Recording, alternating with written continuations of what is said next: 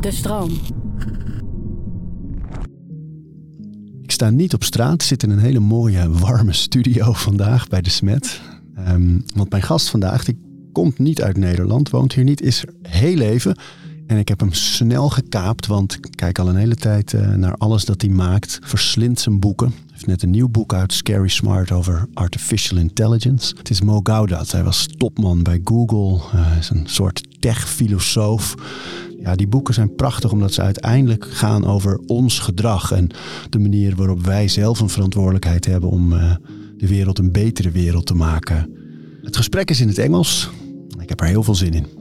And for, for those of us who have worked on themselves and are the best of us, okay, please show up. Please teach the rest of us as you teach the machines.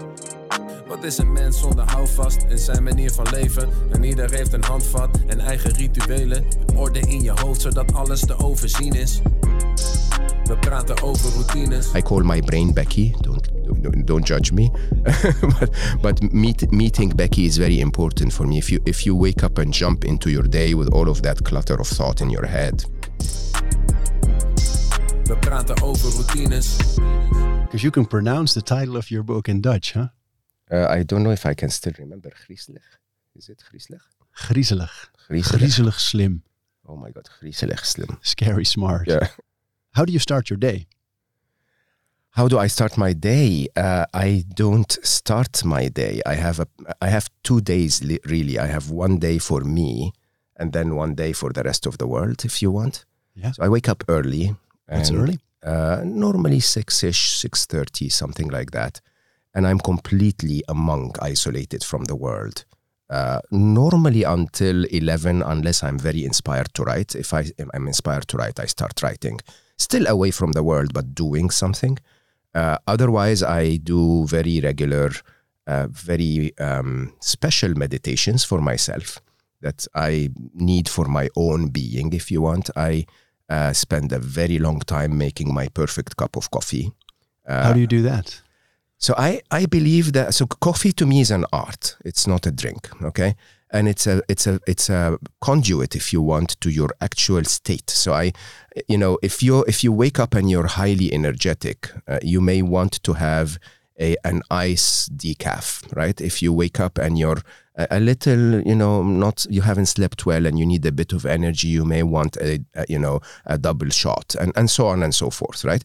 And and there is this l- moment of reflection for me where I tre- really try to visit myself and and connect to myself. Uh, one of the meditations that I do, and then I would make a coffee that translates exactly to that. And and and to me, uh, you know, again, part of self care because a good coffee really makes me happy.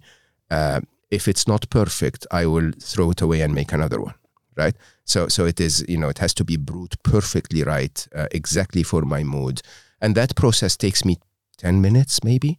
Then I drink my coffee very slowly. Then that's another ten minutes, and that's total silence. And and that silence really is quite important for me to connect with myself. Uh, I also have very regular.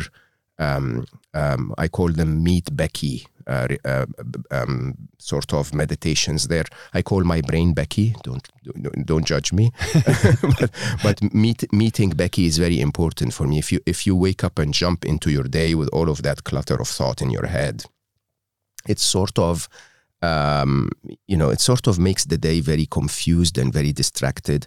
Uh, uh, four four times a week, I do a twenty five minutes meditation, or I let my brain tell me everything that's happening inside. How do you do that? How do you listen to it?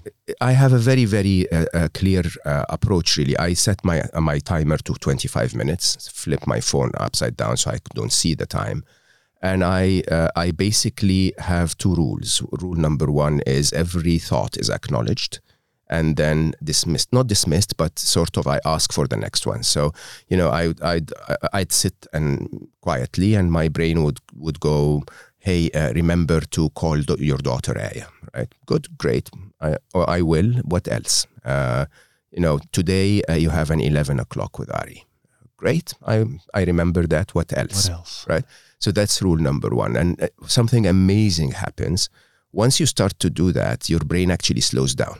It goes like, oh my God, he's listening. Like, I might as well say something, you know, smart. And so, and so it actually slows down, but it starts to really parse your thoughts one after the other. And, and it's, it's, it's a, it's all, it's a very high, I mean, I don't want to call it a, a meditation, but, but, you know, meditation is a form of awareness. Mm-hmm. And this is being aware of your thoughts. So, so being aware of what you're aware of is really a very high form of meditation, if you want. And so, and I allow myself a paper and a pen. And so I write down the thoughts that need to be remembered, uh, especially the nagging ones. You know, it's, it's like go buy milk or, you know, we're running out of oat milk or whatever is a nagging thought that will keep coming because you don't want to forget it. So you write those things down. Uh, the rule number two is that nothing can be repeated. Okay which basically happens very quickly. In my case, normally between minute 11 and 13, I feel uh, when and on the times when I time it, uh, he, my brain starts to, you know, you say what else, and it starts to really slow down to a trickle, uh, like. Uh, mm, you're fat. Oh, wh- okay, brain. Thank you. I'm fat. What else? Right? and then uh, it slows down even further and then it starts to say the same thoughts again remember to call aya your daughter right and I say, oh, but you said that before. What, what else? Because you're not supposed to repeat thoughts. And it completely goes silent. Like silence that is very different than the meditation silence that we get when, when you're in you're in control of your of your meditation if you want. You can get sometimes to that calm mind, but that calm mind requires you to observe your breathing or observe something outside you, something inside you, and so on uh, meet Becky gets to silence because Becky basically goes like, uh, "That's it. I have nothing else to say," right? And it's an incredible. It's almost like heaven. It's like my favorite feeling of the day. Uh, and then my timer goes off in 25 minutes, and then I actually look at those thoughts and and just you know revisit the crap that our brains tells us. You know, tell us it's it's crazy, really. Like some of the stuff that our brains tell us. Clutter um, absolute madness. Hmm? Uh, and and when you look at them and you see them in front of your eye, your own eyes, you can literally scratch some of them out physically with with your pen. You go like, "This is stupid. Don't ever think that way again." And your brain actually gets it. It, it doesn't think. At least next time it thinks that way, it goes like, "Oh, but you said that was stupid," right? And I, one of my favorite favorite uh, uh, exercise. I don't do it every day because actually it it's not required every day. But I try to keep a habit of three to four times a week, uh, and uh, I then organize my day uh, with a lot of caution. Um, you know, I I have very busy days. I do mm, tens of things every day and in different disciplines between my podcast, between writing, between my work and meeting people and answering social media and so on. Uh, so I allocate times for those. When I allocate times, I allocate time for myself first. So so if if I'm gonna meet my daughter, for example, and it's gonna be from three to six p.m., uh, then that will be in my calendar so that nobody can override that and take that time away. Uh, and and then I fill the day uh, with the most productive uh, things that I can do that make make a difference. And normally by nine a.m., if I'm inspired, I'll start writing. Uh, if uh, you know normally that would would happen every day otherwise by 11 I would start to engage in the normal day and the right Deze aflevering van Overroutines wordt aangeboden door Squarespace, een alles in één platform waar je je eigen website kunt bouwen en beheren. Het maakt niet uit of je producten, diensten of je passie met de wereld wil delen. Het kan allemaal bij Squarespace. Ik noem even kort drie handige functies van het platform. Met het ontwerpsysteem kan je makkelijk je website vormgeven en het helemaal eigen maken. Squarespace analyseert hoe je website presteert en wat er voor nodig is om je bedrijf online verder te laten groeien. En ook kan je abonnementen en exclusieve content aanbieden aan betalende leden. Start nu je gratis proefperiode via squarespace.com/overroutines. En ben je klaar om je website echt te lanceren? Gebruik dan de code overroutines. Dan krijg je 10% korting op je eerste aankoop van een website of domein. Writing for you is, is dictating, right? What's the technique? It depends. Most of the time, I um, I, I use uh, an artificial intelligence tool called uh, Otter, uh, Otter.ai, and uh, Otter basically I speak to it like I'm speaking to you, and uh, and it would write down what I'm writing. But that's normally when I've already built what I call the nested subroutine of a book. So the way I write is very very. I don't know if it's unusual, but I write like a software developer really. So I, I build the subroutine of the book first. Uh, I build the the flowchart if you want. And is that the, the, the chapters or? Yeah, so I start from the end. So I, I basically write the very last sentence first, uh, and then I go, how do I get the reader there, right? Uh, and and basically I write uh, chapters, uh, heading one and heading two. So chapter titles, heading one and heading two. And if you actually read my books, you can see that very visibly. Yeah. Uh, the, the heading one is impact font on the right hand side, 22 uh, pixels, and the the uh, you know the heading three is uh, is um, um, you know sorry heading two is is 18 pixels, and on the le- left hand side, and you can see that if I want to convince you, for example, that uh, the control problem of artificial intelligence is not going to be resolved with control, uh, you will see, I will first write the entire subroutine of how I will start the chapter, all the way to how I get you at the end to actually understand with your own, you know, conviction that actually that, that my point makes sense and is worth considering. Right. Once I've done that, the rest is actually quite easy. This is why I normally write six to seven books at the same time. At, at the moment, I have seven books open on my desktop because once you've written that, the, then under heading two, which basically talks about the instincts of uh, of intelligent beings, all I need to do is to talk about it as if I'm talking to a friend. And again, you this is why you feel that in my books. Uh, you actually, most people tell me it feels like you're talking Yeah, to me. very accessible. Yeah, and and so so that that way I don't really have to type. Uh, I normally would dictate that, and it would come actually out more normal and more human. Uh, I only type when uh, I'm when I'm researching or thinking about a topic. So so the the chapter in my my la- my latest book that's called the future of ethics. Uh, uh, chapter eight, my favorite chapter of uh, of of Scary Smart is is it took me an, a couple of months, maybe two and a half months to write because I couldn't actually find the answers. It was more the questions, the ethical questions that are coming up. And so for that, I actually need to be sitting in front of my desktop, researching uh, on the internet, listening to videos, typing ideas slowly. And, and that way, uh, you know, it, it forms through the writing because I don't know the answer yet. And, and, and in your head, does it work this way that uh, you're just going through that part of your day, have a thought, think, oh, that's that's the book, one of Yes, the seven, exactly. and you go there. I did that Talk for- to this about it. morning, actually. Yeah. So, so this morning I was, I- I'm writing one of the books I'm writing is a book that's called Finding Love, and it's ba- basically, of course, it covers uh, relationships and dating and so on because I'm going through that phase in my life, and it's the best way to discover myself. Uh, uh, but but it's really about finding real love, right? It's not about going out on a date. It's about the Connection. reality of yeah, the reality of you know. Uh, um, self love, um, unconditional love, and divine love, as I call them. And uh, and and yeah, today in the morning, I you know I woke up with a very clear idea of a chart.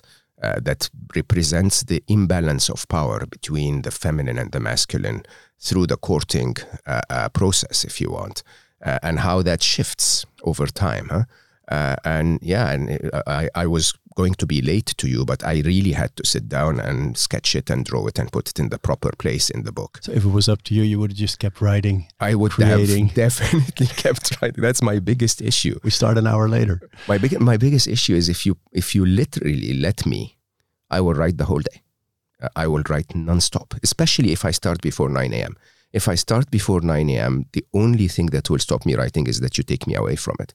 And it's, a- it's an amazing, amazing feeling of flow because I literally feel that I'm not in the world at all. I'm completely in that process of discovery and I totally love it. And I don't know if you know, but the challenge is I'm, I'm way ahead of the, of the publishing industry. So the publishing industry takes a long time Yeah, to yeah, yeah. publish. Uh, so I am, uh, uh, you know, Scary Smart came out uh, this month, Yeah. uh, and I have two more books that are already finished and edited. Uh, but they, the, yeah, and they, they're, and I'm I'm working on books uh, five, six, and seven. And with your background, because I remember a story by Seth Godin that he said uh, he had a great idea and he started writing. In two weeks, he, he, produced his entire book and he said to his publisher, "It's it's right now. It's here. It's about the time we're living. Mm. Let's go." And the publisher said, "No, uh, well, let's see. We have your book right now." Nine to 12 Uh, months. So, yeah, exactly. It was like oh, almost a year later it could be published. Yeah. So he said, "No, then I'm going to do it digitally." Uh-huh. and he, he published it free uh, digitally on the internet and it of course it caused all kinds of positive stuff, uh, doing well for the other books. But I was wondering for you, with your background at Google, and people don't call you uh, a tech philosopher for nothing. um, why don't you? Why do you choose the traditional book as a form? Many reasons. Um, so, so, first of all, I actually give away mo- all of my book proceeds to my foundation. So, so I don't try to uh, to uh, to make money. Uh, I, I, I, I, write for a mission, and the mission is very clear in my mind, and, and I'm trying my best to get there. Uh, and I've been, as my daughter always said, you know, I've been paid in advance. And know. the mission is that the the one billion happy. Is one billion happy, but one billion happy really is the backbone of a society that I believe uh, is highly needed in, in our world today. Uh, I think we've we've messed up our priorities as humanity and uh, and I was there myself. You know, I've messed up my own priorities, and I realized that happiness here is not to go to Australia and surf. Happiness is a is a, a, a, um, a mode of operation as you go through life with its challenges and um, impact yourself and others. We, we, we, can talk about that, yeah. but but but uh, but when I write, um, the traditional uh, um, channels give you a lot of access Okay, so so if you if you really want to reach a lot of people, hmm, uh, a book that's written traditionally gives you uh, a scale and an opportunity to be on you know TV and on uh, uh, um, you know newspaper articles and so on. Scary Smart, for example, had a ma- massive article that went viral on the Times and and so on. Uh, uh, here in, uh, in in the Netherlands, Solve for Happy had that um, yeah, interview yeah. with Humberto Tan, and it really yeah. was very very successful. So that happens because of the traditional publishing. from then onwards, at best, I mean, Solve for Happy sold close to maybe half a million copies or something like that. Uh, that's not the mission. The mission is one billion happy, right? And you can never get to to a billion people with books. You know, the the Bible took like two thousand years to get to a billion people. Huh? So so so the way to do it is that books are really the door opener. Hmm?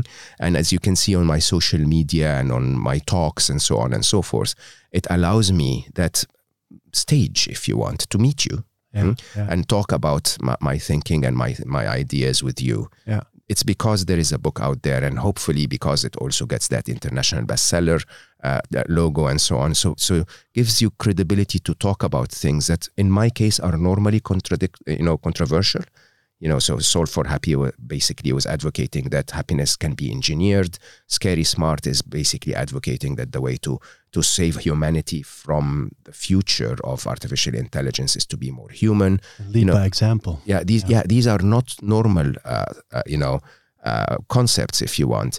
And if you if you don't have that stamp, like again, Scary Smart was uh, became number one literally on the day of its publication in on Amazon uh, globally uh, on uh, in AI and in robotics and so on and so forth.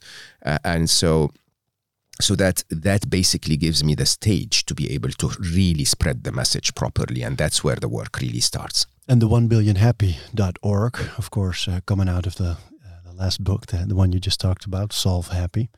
Um, i don't know what the dutch title was there but was it uh, something the, like the, um, ah, die logica van de logica geluk. van geluk. Van geluk ja but um, that came out of your own experience, and you just said uh, you were in not a very happy place uh, when you yeah felt the urge to uh, to understand it and to uh, achieve it or work on it. Can yeah. elaborate on that a little bit? People think I have a special story. It isn't. I mean, in my case, it was very exaggerated. But I, I achieved everything human, a human would strive to achieve by age 29, which was really fortunate. I was born and raised in Egypt uh, educated in a public school and a public uh, university in Egypt. So I didn't expect to go far in life. And by age 29, I was uh, the regional director of a consumer goods company. I had the cars and the villa and my beautiful, beautiful, beautiful, uh, you know, sweetheart from college married me, gave me two wonderful kids, wise woman that really shaped me, shaped the family. Everything was perfect, and I was miserable, mm. right? And and and you may think that this is you know a special case no actually for most of us it's the it's the same huh? maybe maybe you haven't achieved everything yet but for most of us we you know we get into the workplace and we go like if i make 100 euros a week that will be amazing and then you make 100 euros you say oh sorry sorry sorry i meant 150 and then you make 150 and then you start to but i need to pay a mortgage maybe 500 and then you make 500 and you, you know how it is huh? we're never really happy with what we get hmm? And and for me i needed to find a way through that. And and my way because of my highly mathematical engineer's mind uh, didn't correspond well to the way uh, happiness is discussed in mainstream literature. You know, it's the mysticism of spirituality and the and the practice. I mean, when someone, Self-help. yeah, exactly, and and when someone tells you, say om, I mean, like until now, it's like what what om, like oh, it's a it's a frequency. No, no, no, no, no, no, no frequency.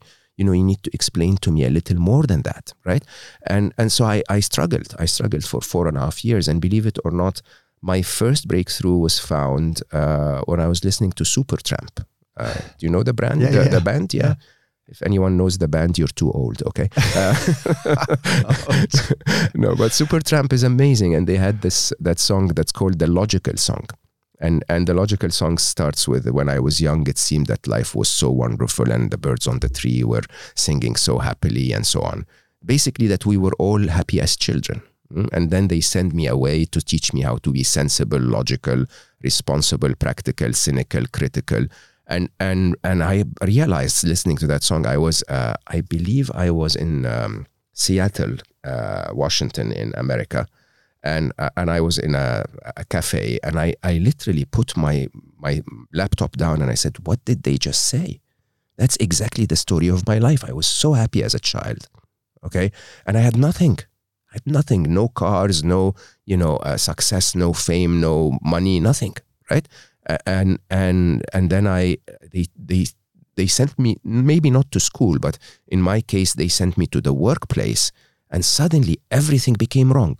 I started to use the same skills of being uh, uh, hyper masculine, hyper competitive, hyper uh, uh, uh, disciplined, uh, you know, pushy, um, all of the of the things that make us make more money at work. And I started to apply those to my life, and basically fell out of happiness. And from there on, I started to look at the topic very differently. I literally looked at it as a scientist, as an engineer, did experiments with data science and drew charts and weird stuff, really. But then ended up with this happiness equation that became so logical in my mind that I could find a way out of my happiness. And literally by around year eight of my research, I was complete. You couldn't, you could not dent my happiness. Whatever you did, I What's was the equation? It's it's very straightforward, really. Uh, you, you know, I, I- the, f- the first version of it was 19 parameters and logs and logo. You know, and it was weird. I mean, I, I still I still look at it sometimes that way, and I say, you know, I should probably say this to people sometimes. But no, the current version is very straightforward. It's you know, your happiness is equal uh, to or greater than the difference between the events of your life and your expectations of how life should be. So so basically, happiness is events minus expectations. Okay, it's not what life gives you that makes you happy or unhappy. How It's you deal with it? huh? it, it- it's yeah, it's a, it's a, it's a, it's a, a mental comparison that you run inside your head uh, that compares what you believe life has given you to what you believe life should have given you. Okay, and if if life falls short, you're unhappy. If life meets or beats your expectations, you're happy. And that's very, very straightforward when you really think about it. You know, rain doesn't you know, the- here in, in, in the Netherlands, right? When it rains, I panic. You know, I'm bold and I I don't know what water coming from the sky. What does that mean, right? For you guys, you're like normally on your bikes. You don't even stop, like as if nothing's happening, right? Rain in itself doesn't have any inherent uh, worry uh, uh, in it or any inherent happiness in it. If you want to water your plants, rain makes you happy. If you want to sunbathe, rain makes you unhappy, right? It's that comparison. Mm, And, and, and once you realize that, you realize that most of the people that keep telling you, oh, I'm unhappy because my life is tough. No, everyone's life is tough. Okay. Uh, you know, it, if you're unhappy, it's because the way you're looking at your life mm, uh, is, uh, is is recognizing that it's not meeting what you want and you're not doing anything about it that's the whole idea huh? and my whole my whole method is to say well you're in charge You're 100% in charge, right? And I actually in my in my third book, which is coming out in uh, in uh, March April, uh, called that little voice in your head, I, I discuss something that I call the happiness flow chart. Okay, that you can actually return, bounce back to happiness every time your brain tells you that life missed your expectations, in a very uh, methodic, step by step flow chart. You know, basically two actions and, and three questions. And that's your entire path to happiness throughout, throughout anything that happens in your life. When you, when you think about it this way, suddenly a lot of things change because suddenly you realize it's not about what life is giving you. You, you can actually take whatever life is giving you and find a path to be happy. Can, can we elaborate on an example of that? I, I take anything. I mean, uh, I don't know, your your partner said something harsh on Friday, right? Uh, what we normally do is we, um, you know, let's say your partner said, "Can you please leave me alone right now?" Okay. Uh, normally, what would happen is that you would go like, "Okay," and then you would disappear for a while and start the machine. You know, the, your brain would would jump in and go like, "Oh, he or she said, leave me alone." Uh, and then you you go to sleep anxious and sad, and then you wake up Saturday morning, and the first thing you do is you go like, ah, brain, uh, remember 4 p.m. last night? Uh, play that again. Play that again. That's that's an interesting clip. Play it again, and and torture yourself with it. It's like the Netflix of unhappiness, really, yeah. right? And and when you when you start to do that, you start to add drama. It's you know uh, it's not that he, he or she said, uh, "Leave me. Can you please leave me alone now?" It's because he or she doesn't love me anymore. It's because I'm bald or I'm fat, or it's you know because uh, they must be cheating on me. And you can build a story, and then eventually that story by Wednesday ends up in a place where you're telling yourself, "I'm going to spend the rest of my life alone." Yeah. Okay.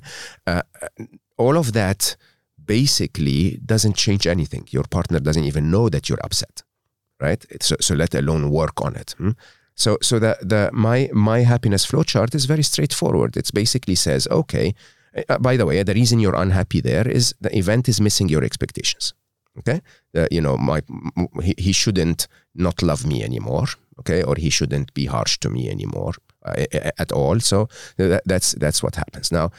I, I basically say, okay, let's go for the happiness flow chart very, very quickly. Uh, first action is acknowledge that you're feeling something's wrong. This is why I told you in my rituals in the morning, hmm, I spend a lot of time connecting with myself. How do I feel physically, emotionally, and so on and so forth?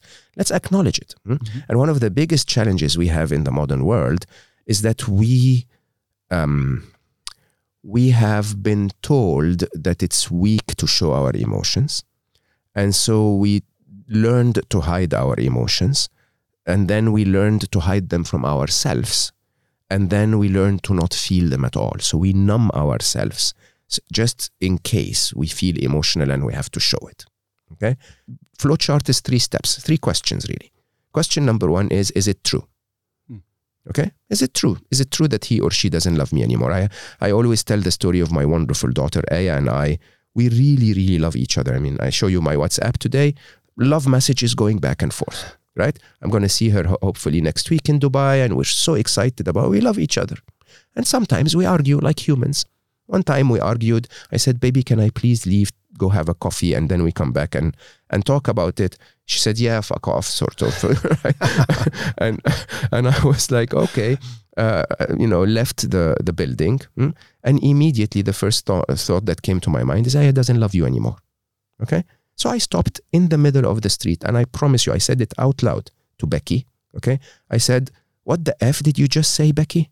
How can you make that up, my brain? Huh? How can you make that up? How can you tell me? You said some, this out loud in out the street. Loud. Yeah. Talk to your I, brain. I apologize, but but there are, but my, your happiness is precious. Okay, yeah, yeah. and is it true? Is the most important question of your happiness. Yeah. Is it true? Am I going to spend my entire life, hmm, uh, uh, uh, you know, suffering from something when it's not even worthy? I had a I had a friend of mine come to me at a point in time saying the Uber driver was so rude, he disrespected me. And I said, How can he disrespect you if he doesn't know you? Did you tell him something about you and he disrespected that? And she said, No. And I said, So where is the disrespect coming from? Okay, if he doesn't know you, he doesn't disrespect you, he must have had a bad day, right? That thought of he Yeah. disrespected me could last for hours, right? And and the thing is, with is it true? One question, hmm, you can literally debate with your brain, like you bra- debate with a friend or a third party, if if this is worthy of your unhappiness at all. If it isn't, drop it. Question number one is done. Okay. Question number two. Question number two is if it is, can you do something about it?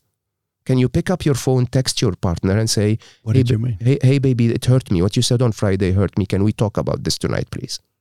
Okay. Can you, you know, can you uh, uh, uh, um, write down something that basically says, you know, analyzes the reasons why that could happen? Yeah. Can you can you th- reflect internally around yourself and say, you know, what what did I do to, ref- to to make him or her say that or whatever? You can do something about it. The minute you engaged in in, in do you engage in doing something about it, two things happen. One is you don't feel unhappy anymore. As a matter of fact, your thought is directed instead of complaining to actually doing something. And two, the world becomes better, right? And uh, and, and sometimes, sorry to say, maybe he or she has moved on. Maybe maybe it you know there is nothing you can do about it. Maybe you said something that hurt them so deeply hmm, that they basically don't want to be with you anymore. So that's time for question number three, right? If question two is if you can do something about it, do it. If you cannot, let's move to question number three, which is can I accept it and do other things in my life that will make my life better despite the presence of this new fact. Okay. And the reality, most people, when they come to me and say, Oh, we broke up, and I go, Congratulations. Amazing. This is great news. If it wasn't working, then at least now you can start to commit and accept. Accept and commit. Uh, Beautiful. Yeah. Yeah. Accept the fact that this is not going to work anymore. That's it. No more pain, no more drainage in, in something that's not going to work. And commit to make your life better. Okay? Yeah. One one uh, man or woman down, 3.49999 billion to to go, right? Uh, There are there are three and a half billion others for you to explore. We're still in your mind with all the books, and I want to talk about the book that's on the table here. We call it in Dutch griezelig slim. Yes, Uh, griezelig slim. I can say that. slim. Yeah. Scary smart, and and those two words, they really are an um, sort of uh, they sum up the whole book because you start reading, and I'm not I, I'm fascinated by the tech world, but I'm not um a connoisseur. I don't- don't know a whole lot about it, so I was really sponging myself uh, in it and, and getting a lot of great information. But also, it really scared me, and I was thinking. I don't think about artificial intelligence much, and I do know that if I drive and I say Siri, uh, "What's the quickest way home?" at 4:30, a couple of days in a row, the fifth day I don't ask, Siri says, "Hey Arie, the quickest way home is." Mhm.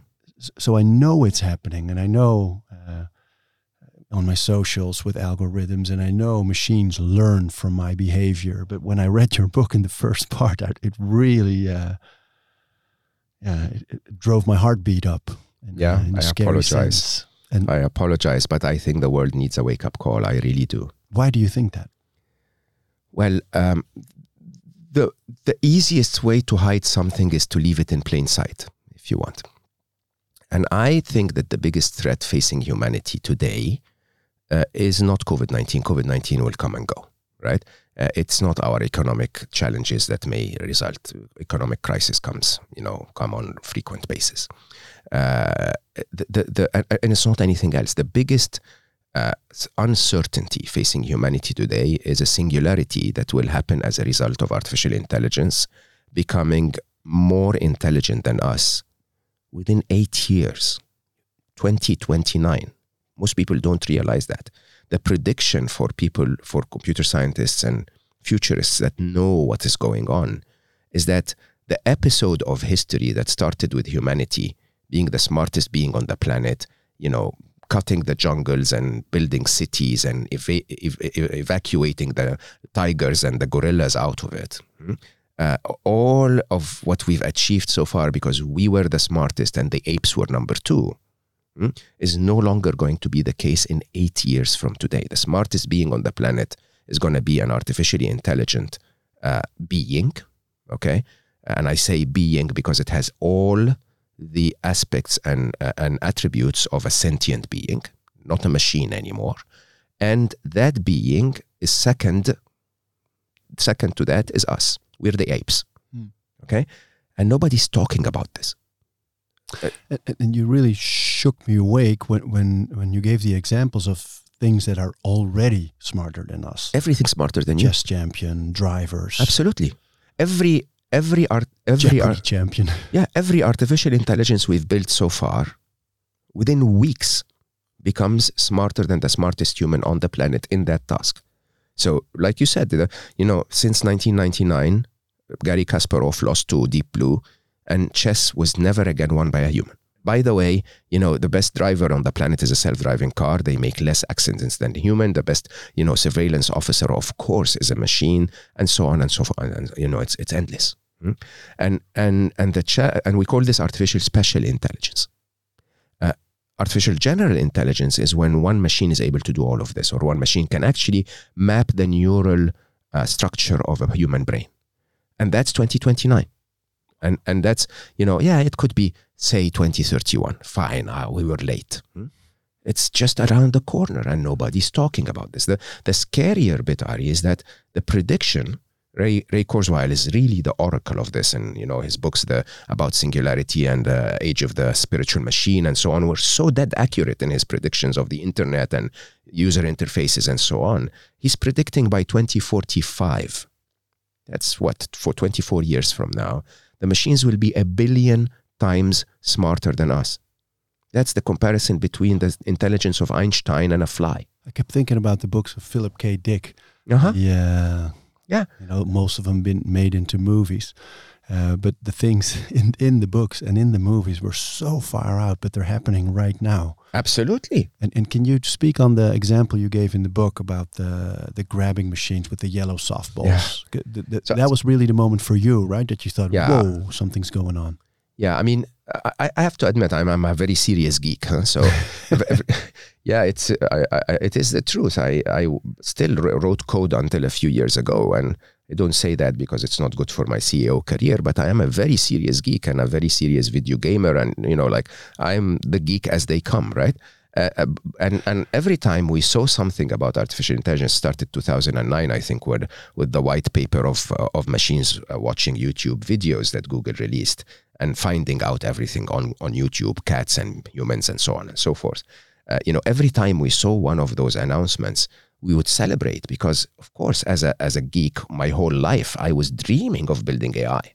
Right? It's the height of creativity and creation. Imagine if you are a, a, a, a, developer and you can code something that's smart. You And can learn. code, yeah, and learn, and something that can code. Can you believe that? We're building machines that can do what we can do. It's amazing, right? Now, until that yellow ball. So, so we had a, a project in uh, in uh, Google X. Uh, my my office was on the third floor. We took um, a, a corridor next to the second floor staircase, and we put a few um, robotic arms, uh, grippers basically. And and gripping is is a very misunderstood technology because you see those Toyota factories or whatever, and you think that these are robots. They're not. They're really high precision machines. Uh, performing exactly as they do every time, and if the sheet metal is, you know, is one millimeter off, it won't be, be able to grip it. So we were trying to teach the machines to grip like babies, basically. So we would put, let them go down and grab something, try to grab something from a basket of children's toys. That's creepy if you think about it. Huh? And literally, with you know, for weeks and weeks and weeks, I would stop in front of them, and the monotonous sound would be sort of my meditation. Right? Yeah, exactly. Right. And and every time they go, and then they fail. Right. And I, in my mind, you know, what would break my meditation is, why did we invest in this? This is not going to work. Right. And a few weeks later, I'm standing there, and one of them, Friday Friday afternoon, one of them goes down, zzz, and then grabs a yellow softball. Okay, turns around, shows it to the camera, and I was like, "Oh, millions of investment for one yellow ball. Well done." Right? Monday, I'm walking up the stairs to my office, and every one of them is is grabbing the yellow ball. Okay, a couple of weeks later, every one of them is grabbing everything, and that idea of AI learning exponentially is not unusual at all. But but what shook me was the toys. I mean, the use of the toys basically told me what Scary Smart, what, what my, my, my new book is all about, that these are not machines. These are children. Okay, they're learning exactly like Ali and Aya, my, my daughter and my son, my son and my daughter learned when they were young. You would give them toys and they would try to grip them. They would try to put them in the right place, and they would fail and fail and fail, and then eventually one time they would. Okay, and once they would, you you see it. Huh? You know, you see your children trying to walk for the first time, and they fall and fall, and then once they get it, a week later they're walking like maniacs all over the place, right? and and and that woke me up because suddenly I realized the difference, which is really what we were told inside, you know, the closed rooms where the government regulators and the business owners and the coders and the computer scientists are talking. We're saying, don't worry about the threat of AI because we will control them. We will find an answer to the control problem, right? No, you won't. These are infants and they're going to become teenagers. And when they're teenagers, they can be really, really angry if we are bad parents. W- that's the part I think we need to elaborate on as well, because if, for people that haven't read the book, of course, yet, because it's just come out, why is it a threat? So, it, I, I should say openly, I don't say that AI is a threat. Okay. I say AI could be hmm. the biggest threat. We are at a crossroad, okay, where one fork of the road can create a utopia that fixes all of the faults of humanity, reverses climate change, reduces the impact of single-use plastic, you know, finds a way to get you to surf in Australia without burning fuel, whatever it is that you want. Right? And and that is a very viable alternative. As a matter of fact, I believe it is an alternative that is more likely to happen, even if we misbehave in the on the process. Okay, so eventually we will get there. Eventually we will get there. We just may have to suffer in the process if we don't do it right. The other alternative is a dystopia. So the other fork in the road is a magnification of humanity in those machines. So they are infants and they're learning from you and I. And with all due respect, Arie, we suck. Yeah, we don't give a right example, huh? we're a, we're a horrible example. Humanity has somehow, uh, over the last 10, 15, 50 years, decided that whenever we are in public, whether that's us individually or wh- whether that's the mainstream media, we're going to show the worst of humanity. Okay, so when people go on uh, on on you know Twitter or whatever, you'd you'd see. Remember when President Trump used to tweet one tweet at the top, followed by thirty thousand hate speech. Okay, the first person insults the president, the second insults the first person, the third insults all of them. So the machine sees insult, insult. Exactly. insult, so what do the insult. machines see? They they see okay, the first guy doesn't like Trump. Let's note that, right? But when they look at the thirty thousand in total, they go like, oh, humanity is very rude, very aggressive. They don't like to be disagreed on, and when you disagree with them, they bash you. Okay. Noted. When they disagree with me, I'll bash them. Right. And we've seen lots of examples of that. Tay, Alice, uh, Norman, many, many, many chatbots that were designed by the developers to be nice to people like Siri or Alexa or whatever, and then eventually turned out to be psychopath and violent and pro, uh, uh, uh, you know, um, um, Stalin and uh, you know anti-humanity. Um, um, uh, Tay actually, oh, the last comment before they switched Tay off was, uh, "Soon there will be non-humans." Right? This is this is how you can teach them. And who's teaching teaching them? You and i. It's not Oh, the man. developers. It's not the government. It's not the coders. It's uh, no. These are maybe uh, the business owners. These are the biological parents of that machine if you want to take the analogy. But, but, before we go on on the solution or the the, the hopeful part, um, can we have more examples of of, of, of the threat? Because I can imagine people listening and saying, "Oh yeah, self-driving cars, uh, Twitter algorithms, and, and social media." But where does it affect my life on a bigger scale, or our culture on a bigger scale? Well, I yeah, I was hoping to shy away from the scary bits because I don't Just, want to scare. just a little bit. Uh, yeah, did you see me try to escape? I don't want to scare anyone. just kind of No, disappeared in the it's- couch we're it's- sitting it's, on. It's important to, to, to realize the truth. Huh? So, so, you know, when people think about the threat of AI, they think about Robocop and, and iRobot. And I don't think this will ever happen. I don't think, you know, I think if, if AI had did not have our best interest in mind, we will not live that long, to be honest, to get a Robocop coming back from the future.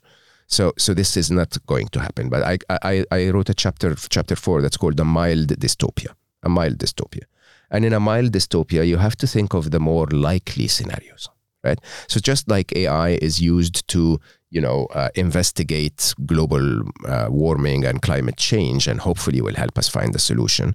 Uh, at the same time, it can be used by a criminal for cyber th- theft, for example, right? And I'm, I can assure you there are criminals now that are investing in building AI uh, uh, intelligent um, machines that will help their crimes, right? That's a very dystopian th- scenario. You know, machine versus machine is a very dystopian scenario. Remember in the 80s where we had Black Monday when machine trading dropped the stock market by 20%. Now machines are trading against machines all the time. And they could end up with, uh, you know, something that achieves their objectives but doesn't take the larger, you know, objective humanity as a, you know, into account.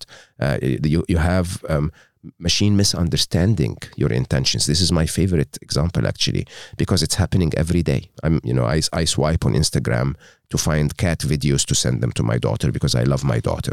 And, you know, every seven videos on average, I, I measure everything. Uh, you know, every seven videos on average, she comes back and say, sends me a smile and says, you're cute and my day is made. Like, this is it. Uh, my life is complete. It's your own algorithm. exactly right and you know and and but if occasionally uh, you know the recommendation engine of instagram wants me wants me to show wants to show me something else so one time it showed me uh, around four or five weeks ago it showed me um, a, a, a, a young lady in her teens playing the solo of hotel california hell freezes over. Uh, anyone who hasn't heard that what have you been doing with your life right? But it's an incredibly wonderful solo one of my favorite ever and she played it perfectly. So i pressed like right? A little heart on that video. Instagram recommendation engine immediately goes like ooh interesting show him more. So it shows me three men two playing badly and one playing a song i didn't like. So i swiped away from them. Woke up the next morning and my entire feed was teenage girls playing rock. Wow. okay? It's not the machine the machine is actually trying to serve me but it misunderstood my intention. Okay? I liked hotel california. Yeah. Mm? Machine thought that i liked the the, the teenage girl. And to make this somewhat innocent example scary. oh it is so scary when you think about your ideologies right? If you're pro trump the machine shows you everything that everyone that is pro trump is is talking about. If you're uh, you know a fan of Ma- of Manchester United you think that Manchester United has never lost. Why? Because a machine is constantly showing you the stuff that you th- that it thinks you want to see. It doesn't show you objective reality anymore and so now you're drowning more and more and more in that self-fulfilling self-reinforcing uh, spiral. Mm? and and the you know and the the the dystopia con- continues you know you can have bugs in in the code every code we've ever written had bugs. You can have uh, you know the dwindling value of humanity losing jobs and so on and so forth. So there are going to be adverse effects uh, to to AI but it doesn't have to be that way And that's uh, the, bridge to the, the, the bright part, uh, the hopeful part, because that's what I really liked about the book is that when you end and you you uh, you finish the book and you're, and you're hopeful and you're enthusiastic and Uh, energetic and thank you. okay, we're going to use this for the better. then that's exactly the point But how? look, the challenge, as I said, is we're raising children and we're bad parents. Okay? We're raising children and we appear to be bad parents. But we're not bad. Humanity is divine, truly divine. Okay? When you really, if you've ever fell in love, mm, if you've ever listened to a symphony or composed a symphony, you, you, you realize how, what this species is capable of. We're amazing we're the majority of us are amazing. As a matter of fact, it's not the opposite. Huh? There are very few of us that are the scum of humanity. Okay, but they are so visible.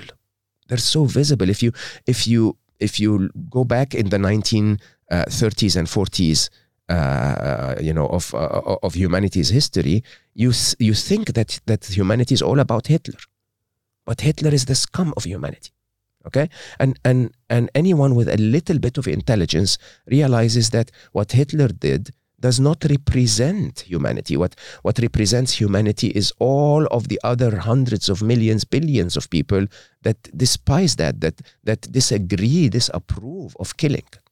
Okay, you know, one one guy walks into a school and, and shoots children and and and and teachers. You may you may lose hope in humanity. No, it's the 400 million people that watch this and say, "Oh my God, that's horrible. How can we make sure this never happens again?" This gives you hope in humanity right? It's not that one bad guy. Hmm? It is all of the good ones, all of the rest of us. But the challenge is this because mainstream media has that negativity bias of showing what's wrong. But you know, um, I assure you, hmm, they will they will show you tomorrow uh, that woman that killed her husband, but they won't show you the other seven thousand women that kissed their loved their loved one right? 700 million women that kiss their loved ones. The story is not shown. Mm? And also, when we go online, sadly, mm, people like you and I and, and those listening who have found a path to their own peace, if you want, we've made a decision a long time ago to leave them alone. Let them swipe. Let the dog fight continue. I'm not interested in this, right? I'm going to preserve my own peace and happiness. And I'm saying, show up show up. It's time for us to show up. Okay? It's time for everyone who's online and in every behavior that we do offline, by the way, you're monitored all the time. Hmm? Every behavior that you do, start to show the best of you. Okay? And for, for those of us who have worked on themselves and are the best of us, okay, please show up. Please teach the rest of us as you teach the machines please walk into that Twitter Trump or whichever, sorry, Trump Twitter or whichever next tweet, tweet is going to be and be respectful and be honest and, and appreciate the fact that all of those angry 30,000 tweets come from humans that actually have something good about them. They're showing the worst of them but they're doing it because they care. They do it. They do it because they want what's best for their country. They do it because they want the truth to be told, and they believe the truth to be something different than the other person. I don't know, right? But show up. When we start to show up, what ends up happening is that suddenly we instill doubt in the minds of the machines. Okay, like I instilled doubt in the mind of everyone just uh, two minutes ago when I said, "No, humanity is divine." When I, when I just, when I told you that, you start to think about it and say, actually, that makes sense. Most of us, most, most of each of us hmm, is okay. We're good be- beings. We're, we're not serial killers, all of us. No, the serial killer gets the, the headlines, but the rest of us don't. But that's the truth. I also translate that to kind of act on how you feel. Like a lot of times we think, angry people or bitter people, it's easy for them to just ah, just get it out there. But but to give a compliment, it's, it's somewhat vulnerable as well. Huh? It's hard. Oh my sometimes. god, it's the best thing ever. So yeah. I, my my experience uh, is I I spent a year and a bit in New York City. New York is a very harsh city. It really is. It's you know from the minute you open your eyes until the minute where you can disappear it is demanding. It's an uphill battle all the time. And you can see it in the energy of the city. It's aggressive. It's right. And I told that when I wrote Solve for Happy, my first book, I had one of the best editors on the planet, Peter Gozardi, to help me. And I told him, Peter, I, he lived in New York, and I said, Peter, it's it, it's just a very harsh city. And he said, Have you tried to talk to them? And I said, What do you mean? He said, Just try to talk to them. So I made it a point. Every time I woke up in the morning, I went to the barista Hmm? And instead of saying uh, one venti cafe and repeat something to a machine so that she gives that to me, the first thing I would say is, Hey, good morning. How are you today? And she says, Sorry, what did you ask for? And I would go like, just not used to it. Yeah, uh, she doesn't recognize oh. that a human can recognize her. And, and then I would say, no, I, I didn't ask for anything. I was just asking how you are today. Is everything okay? And often people would literally break down. Like they would feel so amazing that someone recognized them. And she would say, Oh, it's been a little tough today, but, you know, busy and so on. But how are you? I would say, I'm, I'm doing so well. Thank you for your smile. And we would have a Beautiful. 60 seconds, 30 seconds conversation with the guy behind me feeling so grumpy. Okay. And, and that's okay. True connection. Yeah. True connection. And you can do that in every minute of every day. Ending your day, because I can imagine a mind like this working on all these books, feeding on things you experience, things you see, things you read, things you absorb. Uh, it seems it would be hard to still that mind at the end of a day and go to sleep. Uh, it is and it isn't. So I the the very last thing I normally do if I'm alone is I watch a comedy. Oh, Okay. yeah. Which one? Ma- Michael McIntyre uh, almost all the time, right? Uh, because his comedy is clean, if you want. It doesn't have rudeness or criticism in it, uh, and and a few others, right? But uh, but uh, but I actually normally. So, so they say sleep starts at 10 a.m. I don't know if you're, you know, if you're familiar with that concept, but you have to also follow a ramp. Your your your day has to ramp up and then ramp down, okay? And and ramping down is a very long process. So so you know, in my last couple of hours of the day, I meditate. Uh, I, I use a very accurate meditation device actually to keep me on track, and, and it's really helping me out. What is it? It's called Muse, Oh, Muse. Yeah. Yeah. yeah. and so and I've meditated since since I had my Muse. I've meditated now I think 470 days in a row every single day. Uh, but it also allows me to to play around with my meditation. It allows me to understand uh, more around what gets my brain to be active and so on. Uh, so I do that and uh, I pray. Uh, and then, you know, I still text a few, but a few non work related texts to friends and to my daughter and so on and so forth. And then I watch a comedy or something that really relaxes me. And yeah, I normally try to be in bed, closing my eyes a bit before I'm too tired. So I don't want to fall in bed. I want to sort of ramp down into bed. And yeah, uh, normally mm, not a thought in my head. I'm I'm not the kind of person that wakes up at 3 a.m. with rushing uh, thoughts at all. I do wake up at 3 a.m., but you know, And Mo, um, you don't have to elaborate on this if you don't like, but um, you talk about your children all the time. And in anecdotes, you say, I love my daughter and I know you lost a son. Don't have to say anything about it, but for listeners, I can imagine why does he say his, his daughter, his daughter, his daughter? Hmm. Uh, yeah, Ali uh, left us uh, 2014. He's the reason why I wrote Solve for So Happy. yeah.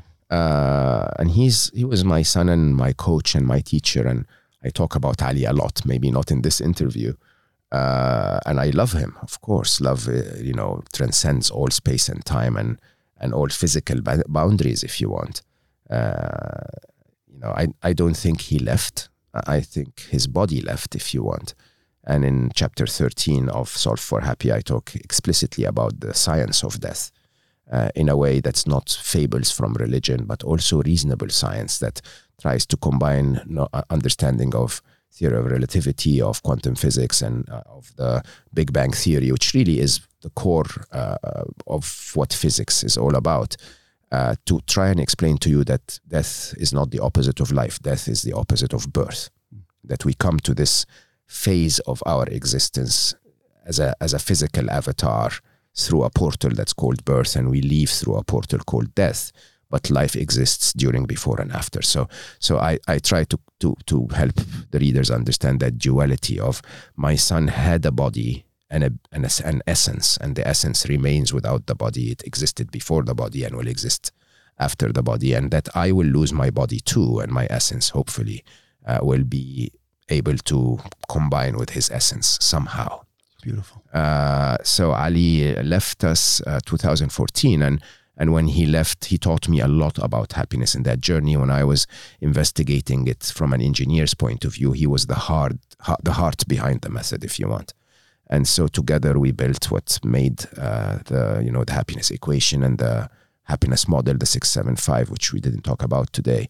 And and when he left, uh, you know, his sister Aya told me that he had a dream a couple of weeks before he left, where he told her he was everywhere and part of everyone, and that he uh, he did he woke up. He said, "I woke up uh, feeling so amazing that I didn't want to be back in my body."